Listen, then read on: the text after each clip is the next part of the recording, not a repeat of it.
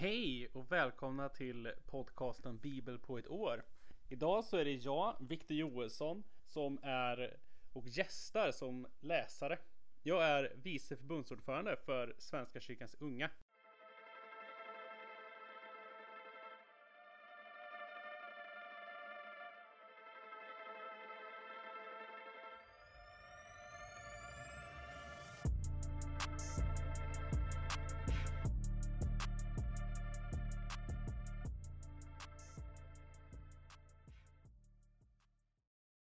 Idag ska vi få höra texter från Första Kungaboken, Apostlagärningarna, Saltaren och Ordspråksboken.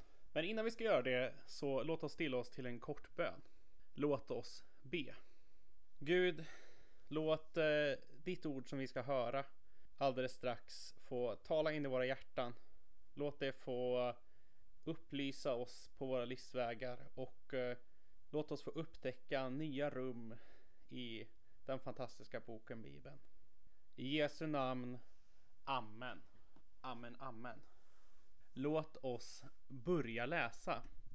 Vi börjar i första kungaboken, det 22 kapitlet. I tre år hade Israel fred utan några större strider med Aram.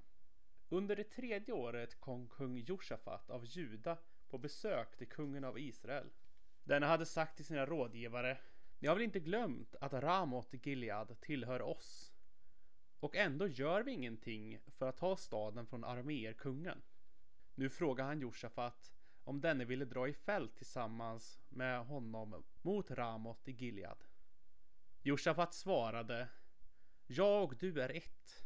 Mitt folk är ditt folk. Mina hästar är dina hästar. Men Josafat bad den israelitiska kungen att först söka råd hos Herren. Då samlade Israels kung profeterna, omkring 400 man. Ska jag angripa Ramot i Gilead eller ska jag låta bli? frågade han. Profeterna svarade Angrip staden. Herren ska låta den falla i kungens händer.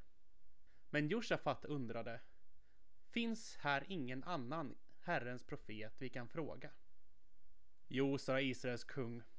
Det finns en till som kan fråga Herren åt oss. Men jag kan inte fördra den mannen.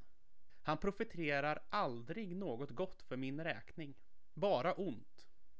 Det är Mika, Jimlas son. Josafat svarade. Säg inte så, konung. Då ropade Israels kung på en hovman och befallde honom att genast hämta Mika. På tröskplatsen vid Samarias stadsport satt Israels kung och Judas kung Josafat på var sin tron, klädda i sina skrudar, medan alla profeterna höll på att profetera inför dem. Sidika, Kinans son, hade gjort sig horn av järn och han ropade Så säger Herren, med dessa skall du stånga Aram sönder och samman. Alla de andra profeterade på samma sätt Angrip Ramot i Gilead, du ska lyckas. Herren ska låta staden falla i konungens händer. Budbäraren som hade gått för att kalla på Mika sa till honom. Profeterna förkunnar med en mun framgång för kungen. Låt nu dina ord stämma med deras och lova framgång. Så sant Herren lever, svarade Mika. Vad Herren säger till mig, det ska jag frambära. När han sedan kom inför kungen frågade denne. Mika, Ska vi angripa Ramot i Gilead eller ska vi låta bli? Mika svarade honom.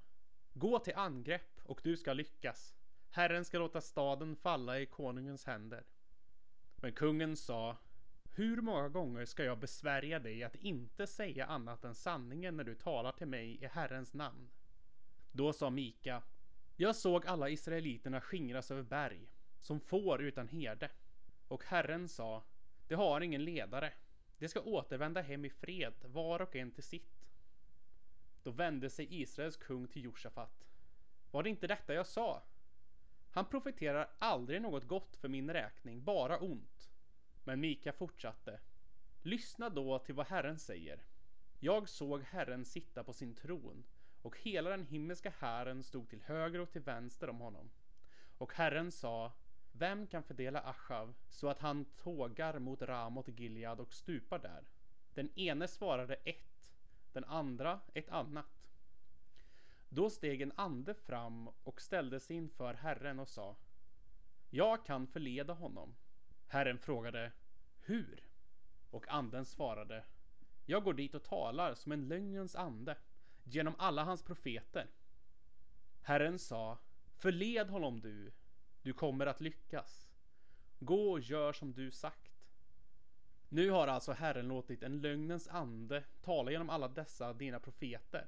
Han har bestämt att olyckan ska drabba dig. Sidika, Kenans son, gick då fram och gav Mika en örfil och sa Skulle Herrens ande ha lämnat mig för att tala med dig istället? Mika svarade Det skall du bli varse den dag du måste springa och gömma dig längst in i huset. Israels kung befallde att man skulle gripa Mika och överlämna honom åt statskommendanten Amon, åt kungens son Joash och säga till dem Så säger kungen Sätt den här mannen i fängelse på vatten och bröd tills jag är hemma igen välbehållen. Men Mika sa Skulle du återvända välbehållen då har Herren inte talat genom mig. Mika sa Hör alla folk. Iser kung och Josafat Judas kung tågade nu mot Ramot Gilead.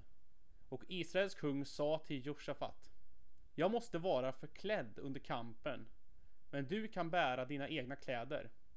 Och Israels kung förklädde sig och gav sig ut i striden. Arameerkungen hade gett sina 32 vagnsbefälhavare order att inte inlåta sig i strid med någon, hög eller låg, utom med Israels kung. När vagnsbefälhavarna nu fick syn på Josafat tänkte de, det där måste vara kungen av Israel. De omringade honom och skulle just gå till anfall då Josafat höjde ett rop. Men märkte att det inte var Israels kung lät honom vara. Men en annan man som spände sin båge och sköt på måfå råkade träffa Israels kung i en skarv på rustningen. Kungen sa då åt sin kusk att vända om och föra honom ut ur striden eftersom han var sårad. Kampen var dock hela dagen så hård att kungen fick stå kvar i sin vagn under striden mot arameerna. På kvällen dog han. Blodet från hans sår rann i vagnen. Vid solnedgången göd ropet genom hären. Alle man hemåt, var och en till sin stad och sin gård. Kungen är död. De kom till Samaria och där begravde de kungen. När de sköljde ur vagnen i dammen i Samaria slickade hundarna kungens blod och hororna tvättade sig i det. Så gick det som Herren hade sagt. Achavs historia i övrigt, hans bedrifter, elfenbenshuset han byggde och alla städerna han befäste har nedtecknats i krönikan om Israels kungar. Achav gick till vila hos sina fäder. Hans son Achsaja blev kung efter honom. Josafat, Assas son, blev kung över Juda under Achavs fjärde regeringsår i Israel. Han var 35 år då, då han blev kung, och han regerade 25 år i, i Jerusalem. Hans mor, Asuva, dotter till Shilishi, Josafat följde helt i sin far Assas spår utan att vika av och gjorde det som var rätt i Herrens ögon. Ändå fick offerplatserna vara kvar och folket fortsatte att offra där och tända offereld. Josafat höll fred med Israels kung. Josafats historia i övrigt, hans bedrifter och det krig han utkämpade har nedtecknats i krönikan om Judas kungar. De kulttjänare som hade blivit kvar i landet för hans far Assas tid utrotades av Josafat. I Edom fanns ingen kung, utan där regerade en ståthållare. Josafat byggde Tarshish skepp som skulle segla till Ofir efter guld. Men någon färd blev det aldrig av. Till skeppen förliste vid Eshon Gever. Då föreslog Ashaya, Achavs son, att han och Josafats män skulle vara tillsammans. Men Josafat vägrade. Josafat gick till vila hos sina fäder och begravdes bland dem i sin fader Davids stad. Hans son Joram blev kung efter honom. Achsaja, Achavs son, blev kung över Israel i Samaria under Josafats sjuttonde regeringsår i Juda. Och han regerade över Israel i två år. Han gjorde det som var ont i Herrens ögon och följde i det spår på sin far och mor, och på Jerobim, Nevats son. Han som hade förlett israeliterna till synd. Han tjänade Baal och tillbad honom och väckte Herren och Israels Guds vrede på samma sätt som hans far hade gjort. Vidare till vår läsning från Apostlagärningarna. Paulus reste sig, gav tecken till tystnad och sa Israeliter och ni som fruktar Gud, lyssna på mig. Vårt folks Gud, Israels Gud, utvalde våra fäder. Han gjorde sitt folk stort när de bodde som främlingar i Egypten och med lyftad arm förde han dem ut därifrån. I omkring 40 år sörjde han för dem i öknen och sedan utrotade han sju folk i kanan och lät dem ta deras land i besittning. Allt detta tog omkring 450 år. Därefter gav han en domare fram till profeten Samuels tid. Sedan bad de att få en kung och Gud gav dem Saul, son till Kish och av Benjamins stam, för en tid av 40 år. Efter att ha avsatt denne upphöjde han David till kung över dem. Honom gav han sitt vittnesbörd. Jag har funnit David, Jishais son, en man efter mitt sinne, som ska förverkliga alla mina planer.